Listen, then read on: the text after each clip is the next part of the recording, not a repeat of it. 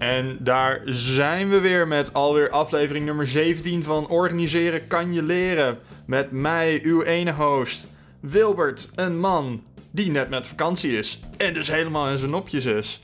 En met mij, zoals altijd, is mijn bijzonder bebaarde co-host, Bart, een man die lekker aan gesponsord hersbier zit vanavond. Bart, hoe Zo. is het met jou?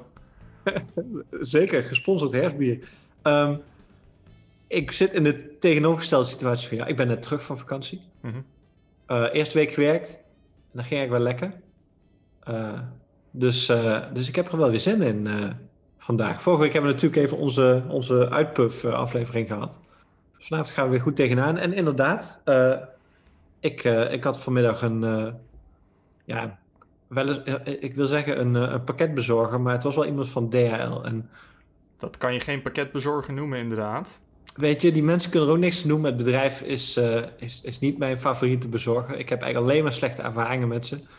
Eh, maar jij was, zo, jij was zo, zo aardig geweest om mij een, eh, een mooie bokbieren eh, pakketje te sturen van de Bierwolf. Ehm, dus dank daarvoor. Ja, het, en voor de luisteraars natuurlijk, Beerwolf, ehm, bij gebrek aan vegetarische kipcorn, is bij deze onze sponsor geworden. En eh, bij deze delen we dat nu ook mee, niet enkel aan jullie, maar ook aan Beerwolf. Ja, precies. Ja. nou, ja, eh, ze mogen nog wel even hun, eh, hun sponsorniveau wat, wat omhoog trekken. Want, want ja, als je je, je, je bierpakket met DL verstuurt, dan kun je natuurlijk vanuit gaan dat er iets misgaat. Nee, Dus het was zowel een dag te laat als dat er een biertje kapot was. Ehm, ik, dus, ik lag gisteren al aan de lijn met, met, met DHL. Eh, want hij zou bij mij ook gisteren bezorgd worden. Eh, en ik heb zo'n intercom, hè. Ik, ik, ik woon in een flat, dus, eh, dus hij gaat af. Ik zie op de camera de DHL-bezorger. Ik druk op de spraakknop. Ik praat met hem en zeg dat hij naar boven kan komen. Tien minuten later, geen bier. Ik kijk naar mijn DHL-notificatie. We hebben u gemist. ja. Dus, eh, dus, dus nou, sowieso klagen bij de DHL. Maar goed, dat heeft, dat heeft weinig zin. Precies. Het, eh, het- gebeurt wel vaker hier. Eh, maar inderdaad, bericht naar de, bericht naar de klantenservice van eh Beerwolf van... Joh, ik, ik ben bereid om meer te betalen voor PostNL. gewoon, gewoon even, als jullie mij de optie geven om voor 5 euro meer PostNL te gebruiken, dan doe ik dat. Ja. Nou, en vervolgens inderdaad, nou, eh, jij had ook wat problemen met de bezorging. Eh, dus, dus weer klacht nummer 2 bij Beerwolf. En wel zo, wel zo vriendelijk geweest om wat korting te geven op de volgende bestelling. Eh, maar, nou- maar leuk is anders. eh. Wat- Nou ja, wat ik dan toch wel aardig vind is dan... Gisteren is dus waarschijnlijk dat biertje eh, bij, bij het beetje lomp verschepen van die, die kist... waar toch wel aardig groot op staat dat het allemaal breekbaar is, is gesprongen. Maar wat ze, dan, wat ze dan doen kennelijk is niet eh, van... hé, hey, Beerwolf, eh, moeten we eventjes wat vervangen? Nee, laat maar een dagje drogen en dan stuur het gewoon door. We zeggen niks. Ja, misschien, Dat misschien zat hij in die, in die vrachtwagen die door die Intercity is aangereden gisteren. ja, nou, dat zou wel erg zijn. Nee, nee, want daar kwam ik dus ook achter. Beerwolf zit in Veghel. Eh, dus die is niet via Limburg gegaan eh, waarschijnlijk. eh. Nou, Hoe dan ook, ehm, ik heb hier een, een biertje. Dark Arts Hazelnut Surreal Stout. 6%. Ehm, ja, ik had, ik had drie biertjes uitgezocht vanavond. De drie die mij het meest interessant leken. Ik dacht, laat ik nou met het laagste alcoholpercentage beginnen. En deze, dit blikje bleek 6% te zijn. Dus, dus ik ga hem eens proberen. ja. En jij dan? Eh, nou, ik heb mezelf eh, getrakteerd op een, eh, op een pakket Lagunitas. Mij aangeraden door mijn eh, Amerikaanse collega's. Hmm. Eh, dus ik heb, eh, en dat is, eh, dat is niet, niet zo'n uitgebreid pakket. Er zit gewoon vier keer vier verschillende IPA's in. Hm. Eh, dus alles wat je lekker vindt. Eh, ik heb, eh, ik heb eerder vandaag al even de Daytime uitgeprobeerd. Dat is een, dat is een 4% IPA. Dronk heel lekker weg. Gewoon heel lekker fris IPA'tje. En ik heb nu de 12th of Never Ale. Oké. Eh, ook, ook weer een IPA van eh 5,5%. Eh, en ook ik ga omhoog in promillage over de komende paar afleveringen. Precies. Dus we gaan eens even kijken Hey, eh, wat proost. voor biertje dit is. Proost. Maar jij ligt dus al een biertje voor. Nou, neem aan dat jij ook wel een middagpilsje op hebt. Nee, nee, nee. Ik heb gewoon, uh, gewoon hard zitten werken vanmiddag. Hm, beleefd. Nee, want ik weet wel hoe dat, hoe dat gaat. Ik pak toch wel weer wat, wat sterkere biertjes tijdens deze afleveringen. En dan... Uh, die derde aflevering wordt altijd al iets vager. maar ik ga dat niet, uh, niet riskeren. We, we, houden tempo ook altijd wel in, hè? Ja, zeker. zeker. Dus, Omdat we harde, toegewijde werkers zijn. Precies. En dat zijn wij.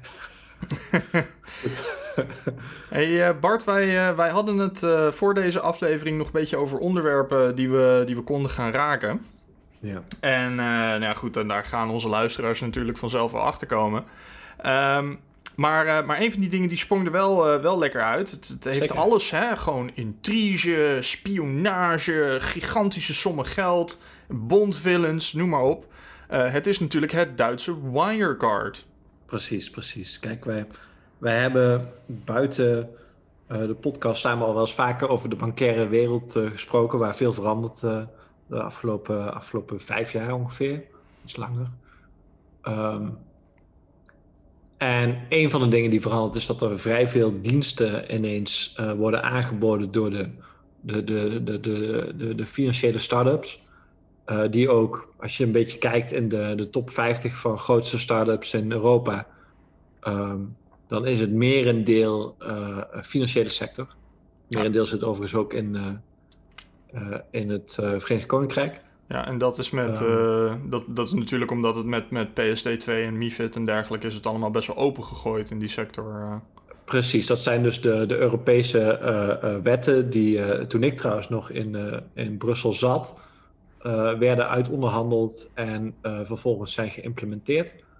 Uh, en dat zijn inderdaad, ik geloof dat MIFID, als ik me goed kan herinneren, je had MIFID en MIFIR, maar dat is dan de, de, de, de regulation, hè, dus het deel wat vanuit Europa direct eigenlijk wordt, wordt ingevoerd. En het, de MIFID, het directive, de richtlijn, het deel wat nationaal wordt, wordt omgezet in, in wetgeving en daarna pas ingevoerd die stelde eigenlijk allerlei voorwaarden aan uh, de manier waarop de uh, financiële markten en de bankaire diensten zouden moeten worden opengesteld. Om eigenlijk veel meer een, uh, ja, dat wordt dan in Brussel een kapitaalunie uh, genoemd. Eigenlijk gewoon een hele grote financiële sector waar men flink de concurrentie met elkaar aan kan gaan.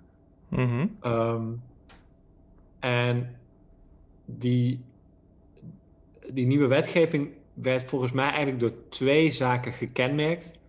Eén was uh, de financiële crisis. Mm -hmm. dus alles wat er. Uh, uh, als het gaat om buffers en dergelijke, als het gaat om, om openheid, um, daar werd een hele hoop aangescherpt. Of in ieder geval geprobeerd om aan te scherpen. Dat, ik, ik, zit daar niet super in, maar hier en daar lukt het beter dan, dan elders. En het tweede deel, want het is Brussel, uh, ging het over het openmaken van, uh, van markten. Ik markten die tot dan toe dan wel nationaal beschermd werden, dan wel uh, door een club bedrijven die daar verder weinig andere bij lieten aanhaken. om die markten wat open, open te halen. En dat heeft eigenlijk geleid tot een hele stroom aan bedrijven die allerlei financiële diensten zijn gaan aanbieden. Ja, ja. Ja, en het, het, uh, in de tijden dat ik actief was bij verschillende banken, werd het, uh, werd, werd, werd het vaak wel uh, neergezet als de verservicing van de bank. Ja. Was, was, was dat ook het originele idee eigenlijk daarachter? Om, om, om zeg maar zo'n heel geïntegreerd iets als een bank open te breken in eigenlijk gewoon een, een, een collectie ehm, ja, losse services die ook gewoon door verschillende partijen aangeboden konden worden? Ja, ik weet dat niet zo goed. Nee, zo dicht zat ik daar niet op. Um, je, hebt, je hebt in Brussel een commissie, een soort van economische en, en financiële commissie van, de, van het Europees Parlement, die daar heel, erg, uh, heel erg goed in zat. En dat was een, uh, een bijzonder, bijzonder slimme kerel van die Linke, die daar op stafniveau regelmatig met mij over discussieerde wat er nou allemaal gebeurde. En zo werd ik daar een beetje op de hoogte van gehouden. Mm. Uh, maar ik heb dus nooit echt het eerste hand die discussies gevolgd. Um, wat er in ieder geval wel gebeurde is dat, dat een hoop banken in één keer zagen van... oh, wat er nu gaat gebeuren is nogal een grote bedreiging. Want wij moeten... Nou, er gebeurden eigenlijk twee dingen. Ik denk dat er twee relaties uh, snel zijn veranderd. Eén is de relatie tussen de bank en uh, de rekeninghouder of, of het bedrijf dat ergens bankiert. Er werd, het werd veel duidelijker hoe die relatie lag. Hè, daarvoor zat je bij een bank en je betaalde eigenlijk nooit voor je, voor je betaalrekening of wat dan ook. Nou, nu zitten we in een tijd van, van lage rentes, waardoor ook op de kleine rekeningen, waar eigenlijk al nooit ontzettend veel winst op werd gemaakt, banken eigenlijk nu vaak verlies leiden. En men in één keer zegt van nou, je moet zoveel gaan betalen om gebruik uh, kunnen te maken van je betaalrekening. Mm, Bart, mag ik je daar een vraag over stellen? Uh, Zeker. Want, want, want dat is iets dat, dat, dat mij niet uh, in, geheel duidelijk is hoe dat, hoe dat in elkaar steekt. En jij, jij weet misschien iets meer over de economie die daarachter steekt.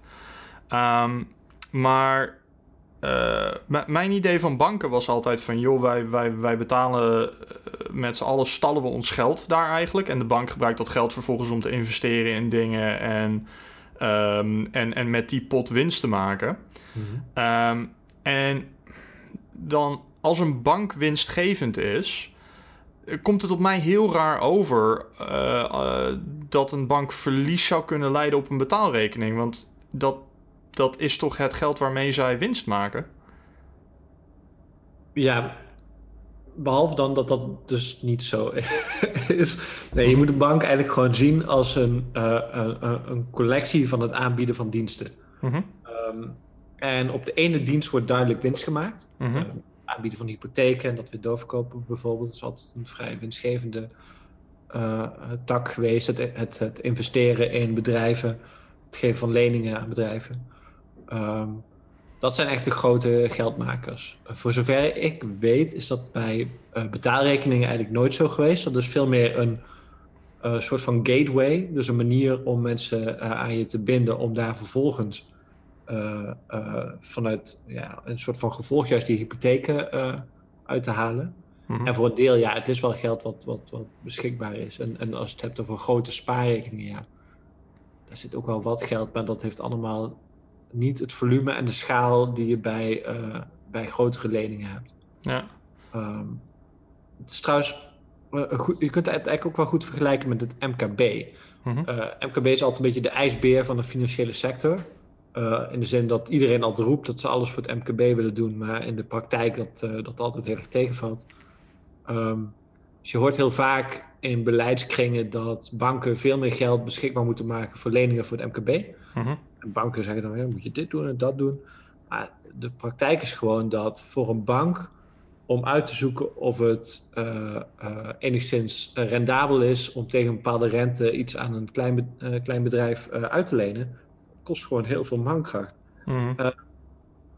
dus de, zeg maar de schaal waarmee daar verdiend kan worden, die is gewoon niet zo, niet zo groot.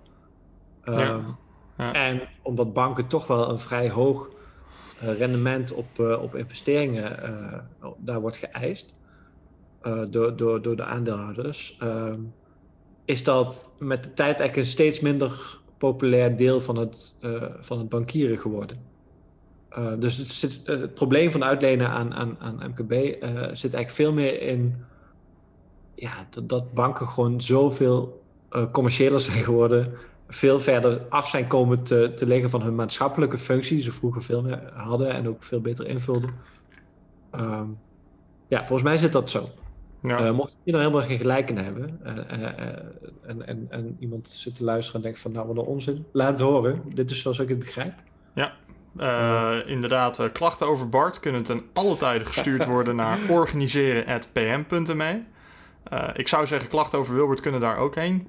Maar ja, weet je, zijn die er nou?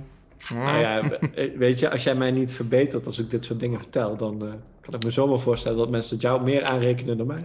Oh god, ik snap, het ook, ik snap het ook allemaal niet. Dus die, ene kant, die ene kant die is veranderd, is dus de relatie tussen, uh, tussen de bank en de particulier. En mm -hmm. de tweede relatie die is veranderd, is eigenlijk ja, tussen de bank en, en een, een markt. Um, dus aan de ene kant dat ze, dat ze veel meer open moest, moesten stellen en dat het veel eenvoudiger is geworden om een dienst te kopen of te laten doen extern. Of eigenlijk dat die hele wereld die wij normaal eigenlijk niet zien, gewoon in één keer vrij hard is opengesteld. Mm -hmm. Maar dan weet jij denk ik meer van dan ik. Uh, ja, ik weet, ik weet niet of het heel veel meer is, maar um, je zag inderdaad in, in aanloop naar, naar dingen als PSD2 en, uh, en, en MIFID dat de eerste experimenten al gedraaid werden. Dat was in de tijd dat uh, in Nederland dingen als Bunk en Knap opkwamen. Um, en dat, was, dat, dat waren eigenlijk gewoon de eerste, de eerste proefballonnetjes van, laten we zeggen, gewoon nieuwe stijlbanken. Uh, geen, geen kantoor waar je als particulier naartoe kan gaan. Alles gaat over het internet of, of via de app zelfs.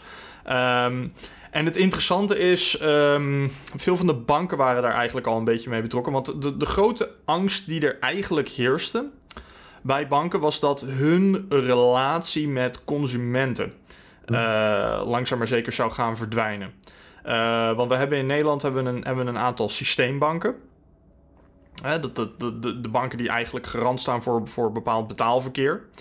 Um, en dat zijn, uh, dat zijn zeg maar de grote drie uit mijn hoofd. Dat is Rabobank, ABN en, uh, en ING. -hmm. um, en nou goed, die hebben, die hebben een hele lading sublabels onder zich hangen. Uh, van Landschot is daar een voorbeeld van. Um, en je, hebt, uh, en je hebt banken die daar eigenlijk los van staan, maar die een gedeelte van hun betaalverkeer dus eigenlijk over de systeembanken moeten laten gaan. Nou goed, Bunk is daar waarschijnlijk echt het mooiste voorbeeld van. Ik weet niet of dat nog steeds zo is, maar ik weet enkele jaren geleden, als jij bankierde bij Bunk, uh, dan gebruikte je de app. Alleen het betaalverkeer van Bunk, dat liep over ABN AMRO. Want ze moesten gebruik maken van die, van die infrastructuur. Ja. En ABN deed dat eigenlijk een beetje als experiment van, van, van joh, hoe, hoe ziet dat er nou uit in de praktijk? Want um, ja, inderdaad, de, de, de, de angst die zij hadden is van joh, op het moment dat, dat mensen straks gebruik gaan maken van, van Apple Pay en van Google Pay uh, en al dat soort dingen. Uh, dan zou het best wel eens kunnen zijn dat het de consument veel minder gaat schelen eigenlijk bij welke bank zij zitten. Hm. Um, en dat de bank zelf eigenlijk gewoon een ja, uh, meer, meer een services provider is geworden van bedrijven die wel direct met consumenten schakelen. Um, en daarmee um, is, er gewoon, is er gewoon een bepaalde angst dat ze daarmee op termijn hun onderhandelingspositie gaan verliezen. Uh, een heel interessant voorbeeld van hoe dat eruit, potentieel eruit had kunnen zien, dat zag je in de telecomsector gebeuren. Um, eigenlijk van, vanuit wat Google ja. deed met Google Fi. Um, Google Fi is een, is een virtuele aanbieder. Het is Google. Je neemt daar een abonnement af. En Google aan de achterkant heeft, uh, heeft allerlei deals gesloten met telecommaatschappijen wereldwijd. Um, waardoor jij met je Google Fi abonnement bijna overal ter wereld gewoon kan bellen tegen Google prijzen. Um, en aan de achterkant loopt het over verschillende netwerken. Loopt het over KPN, Vodafone, uh, T-Mobile, uh, AT&T, uh, ja. noem maar op. En dat zag je in Amerika al komen. En Google was eigenlijk al begonnen met de uitrol in Europa. Ja. Um, en op miraculeuze wijze hield toen in één keer de lobby over roamingkosten ermee op. want die zagen de bui al hangen.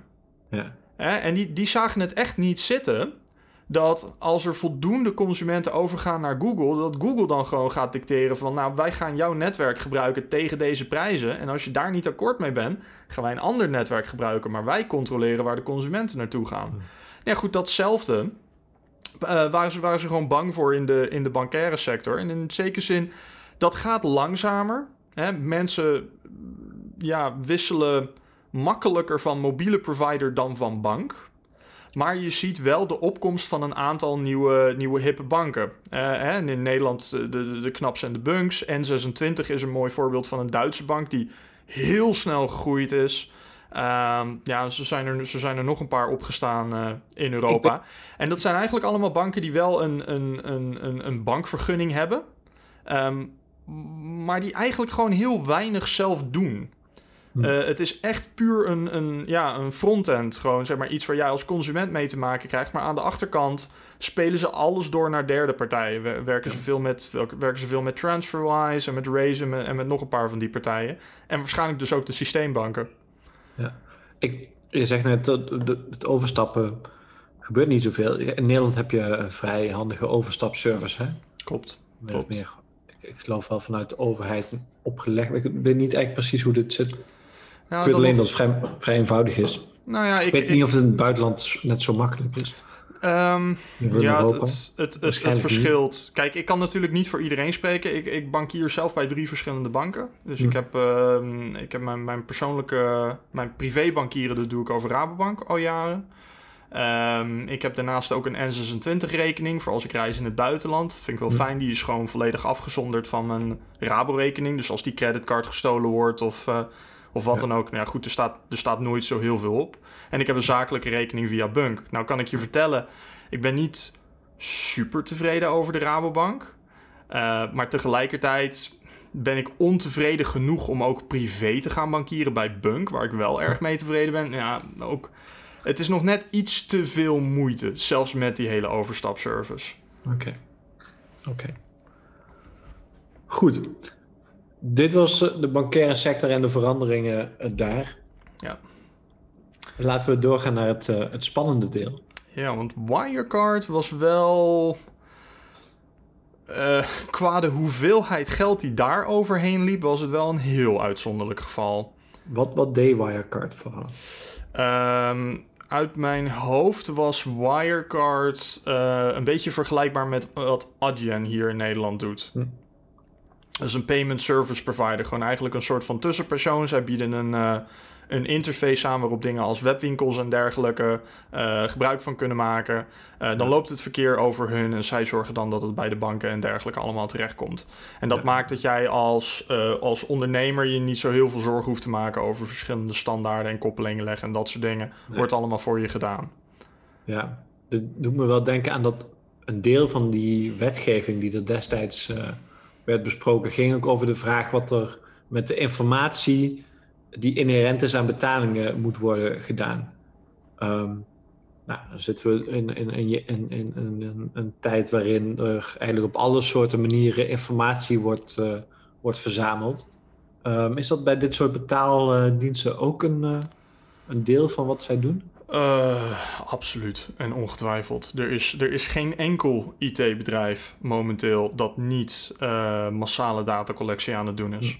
Eh, en GDPR, de, nou goed, de afkorting weet jij wel, het is gewoon General Protection. hm, Waar staat die ook weer voor, GDPR?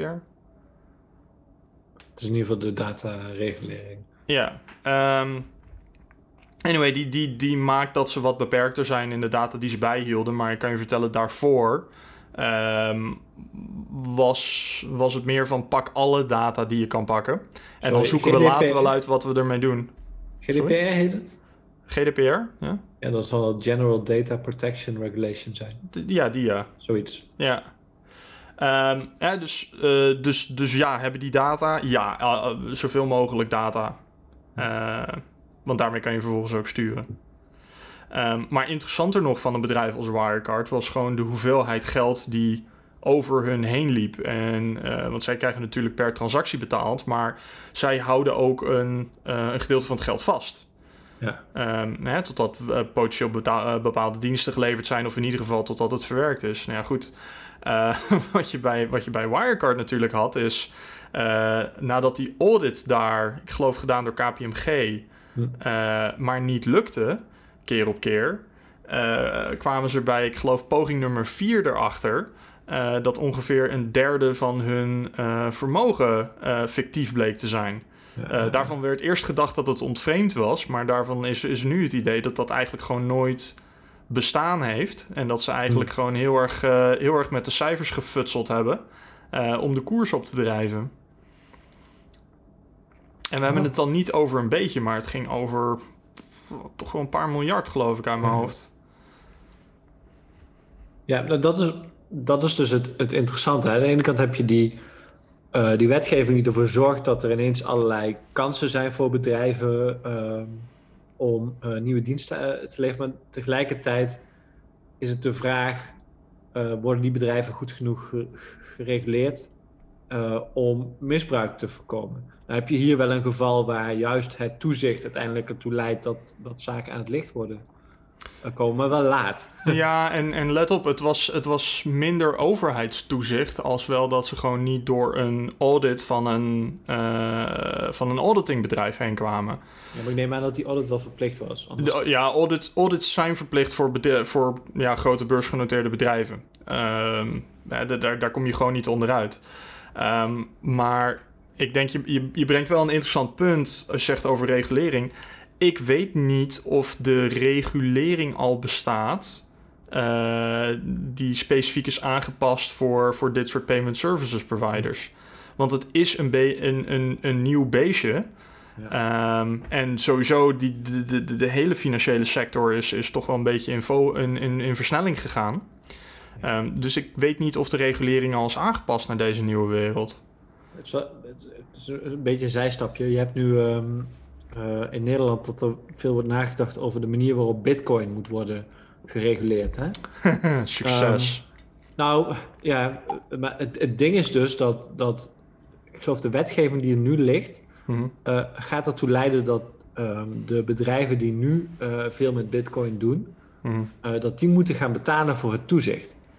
Um, wat eigenlijk als direct gevolg heeft dat er nog maar een paar bedrijven over gaan blijven. Want dat betalen voor het toezicht, dat gaat heel duur worden. Ja, maar ook daar, welke, welke, welke bedrijven en welk, welk, welk, welk toezicht? Hè? Misschien is dit een apart onderwerp, maar... Uh, weet je, melden van, grote, van grote transacties bijvoorbeeld. Nou, weet je, bitcoin is gedecentraliseerd. Dus uh, nou ja, uh, hè, stap 1, bewijs eerst maar eens dat ik het heb.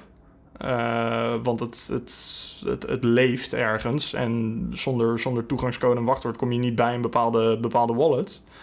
Um, en ten tweede, ja, weet je, ik kan het in Nederland laten verzilveren of ik kan het ergens anders laten verzilveren. Um, dus ik, hier, dit, dit is niet een probleem dat zich leent voor een nationale oplossing. Um, ik heb geen idee hoe dat is. Wat ik ervan begrijp, mm -hmm.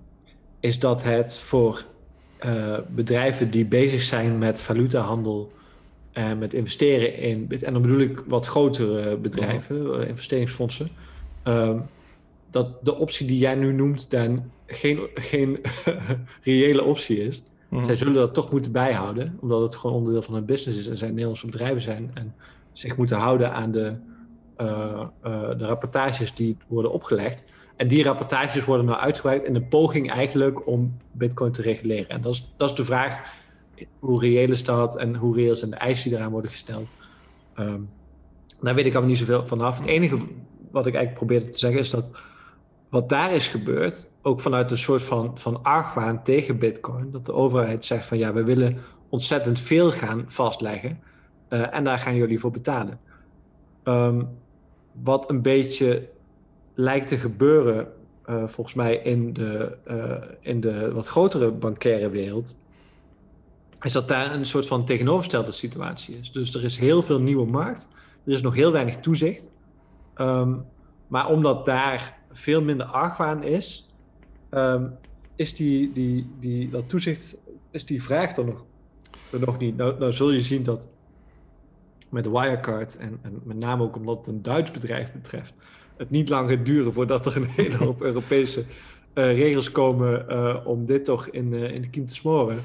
Mm, ja, ja, ja ik, aan, de, aan de ene kant snap ik het wel. Aan de andere kant, weet je, de Wirecard-situatie is, is uitzonderlijk. Um, hè, het, het, het, uit mijn hoofd, het was de, de ene grootste payment service provider na Adyen. Um, en uh, het, het, tweede ook, en, en er komen steeds meer details uh, naar boven, dat, dat is ook wat het tot zo'n smeuige zaak was. Um, het was. Het was niet echt een probleem met losgeslagen deregulering of, of, of uh, hebzucht en al dat soort dingen. Het zal absoluut wel een rol gespeeld hebben. Um, maar er is nu ook een, een internationaal arrestatiebevel uitgevaardigd voor de voormalig COO. Uh, en uh, ik zoek even zijn naam op. Een Jan Marsalek.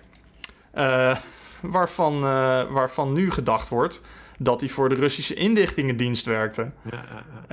Dus dat, dat lijkt minder op een, op een losgeslagen industrie en meer gewoon op een, op een vijandige actie van een wereldmacht. hè? En dus is ook maar de vraag of Wirecard op eigen kracht opgeklommen is. Of uh, of dat daar gewoon echt een, uh, toch een staat mee gemoeid was, maar dan alleen niet de Duitse staat. Ja, maar wat is, dat, wat is er dan gebeurd? Wat voor... Ja, ik vind het heel erg interessant, maar het is mm. mij nog, nog volstrekt onduidelijk wat dan precies hetgene is wat, uh, ja, wat, wat, wat, wat bijvoorbeeld Rusland daar dan weer aan heeft. Nou ja, we hadden het er eerder over. Data. Als, jij, eh, als jij een gigantisch inzicht hebt in het dataverkeer tussen consumenten en bedrijven, tussen bedrijven en bedrijven. Ja, nou ja, dat, dat, dat maakt misschien des te belangrijker dat daar dus ook een soort van toezicht is over eh, wie al die data te zien krijgt. Eh, misschien, of misschien wil je juist dat die markt veel meer over, eh, open komt te liggen, zodat je niet zo'n monopolist krijgt. Eh, hè, want, want de situatie die we hadden is, is eh, hè, nu nog erger. Is Adyen is heel groot. Op het moment dat Adyen valt, hebben we met z'n allen een probleem. Zijn we niet beter is, af als daar veel meer een zwerm van bedrijven omheen zit? Dit is echt een uitstekend onderwerp om een keer apart te behandelen. En ik kan me zomaar voorstellen dat we dat in de volgende aflevering doen. Want dit is echt, eh, dit vind ik een, een, geweldig onderwerp. En hier heb ik veel over te zeggen. Ehm, en ik heb zo'n vermoeden dat wij ook al ongeveer eh, deze aflevering een beetje eh, rond zijn. Aangezien mijn biertje bijna op is. Ja, mijne ook. Mijne ook. En eh, wij zitten inderdaad op eh 31 minuten momenteel in de opname. Dus dan, Oh. dan ga, ik, ga ik wederom de bekende vraag stellen. Bart, hoe was je biertje? Ah. Ja. Ehm, ja, gewoon... Weet je wat het probleem is met... eh, ja, dit zijn dus allemaal een beetje bokachtig, of in ieder geval hersbier. Eh, dit is duidelijk meer een porter. En bij, wat bij porters vaak gebeurt... Waarop, waardoor ik ze eigenlijk niet zo vaak drink. Het heet wel surreal stout, maar ik vind dit niks met stout te maken hebben. Mhm. Porters hebben een beetje die hint van dat, dat hele donkere, zware bier. Ehm, maar het moment dat je de slok neemt, is de smaak eigenlijk bijna weg. Oei, oei. Ehm, dus, dus het is prima, maar het is niet, eh, niet echt spectaculair. Ehm, nee, ehm, ik ga deze niet nog een keertje drinken. Oké, nou goed, je hebt er ook maar één. Dus, eh, Ja, zo, zo is het ook. Is nu weg. Dus, eh, en jouw biertje dan? Ehm, mijn, eh, mijn 12th of Never Ale van, van de Gunitas. Ja, het is, ah, het is een goede IPA. Hm. Ja, het is verder, verder niet, niet speciaal, maar... eh, hè, al- speciaal is in de zin dat hij dat die, dat die hele dubieuze smaakprofielen en dat soort dingen heeft. Nee, het is gewoon een hele lekkere IPA. Ehm, was mij aangeraden door, ehm, door een kennis van mij. eh, die zei dat het zijn vliegbier van keuze was. Vliegbier. Eh, blijkbaar schenken ze dit op United. Eh. En ik snap wel waarom. Hm. Ja, hij is lekker. Hij tikt lekker weg. Dus ik zal er eentje voor je bewaren als je hier weer een keertje langs bent. Ja, ja, ja, goed plan. Ik, ik, ik- vliegbier. Ik heb nog nooit, eh, volgens mij nog nooit bier gedronken eh, in een vliegtuig. Moet je eerlijk bekennen, ik ook niet. Eh, Nee, ik heb wel treinbier. In de Duitse, de, de, de ICE. ik, heb, ik heb, ja, weet je, toen ik nog veel naar Straatsburg ging, regelmatig via Duitsland terug. mhm. Dus dat is 4,5 uur in de ICE. En het was vaak mogelijk om voor 20 euro of zo gewoon eerste klas te reizen. En dan brengen ze je zo'n Franciscaner. Eh, ja, dat is toch wel, wel, wel, wel heel erg lekker. Helemaal prima. Alright. Bart, dat was hem weer. Ik zie jou weer voor de volgende aflevering. Gaan we doen. Ik heb al zo'n vermoeden waar het over gaan hebben. tot tot Hey. zo. Nog een keer. Dank jullie wel voor het luisteren van deze aflevering van Organiseren kan je leren. Mocht je vragen hebben over of commentaar hebben op hetgene wat we besproken hebben deze aflevering, of een suggestie hebben over wat we kunnen bespreken in een volgende aflevering, dan kan je ons bereiken op organiseren.pm.me. Dank jullie wel en tot de volgende.